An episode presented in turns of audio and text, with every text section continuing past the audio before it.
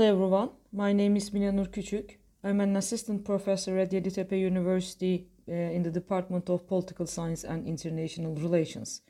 During this term, I'm teaching PSIR 212 course, namely the theories of international relations.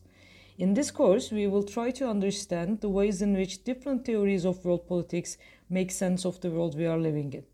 The learning objectives of this course consist of first, developing an understanding of how to think theoretically about world politics, second, comparing and contrasting different IR theories, third, analyzing how the main concepts and categories in IR are understood by different approaches, and lastly, applying the acquired theoretical knowledge to the cases in world politics.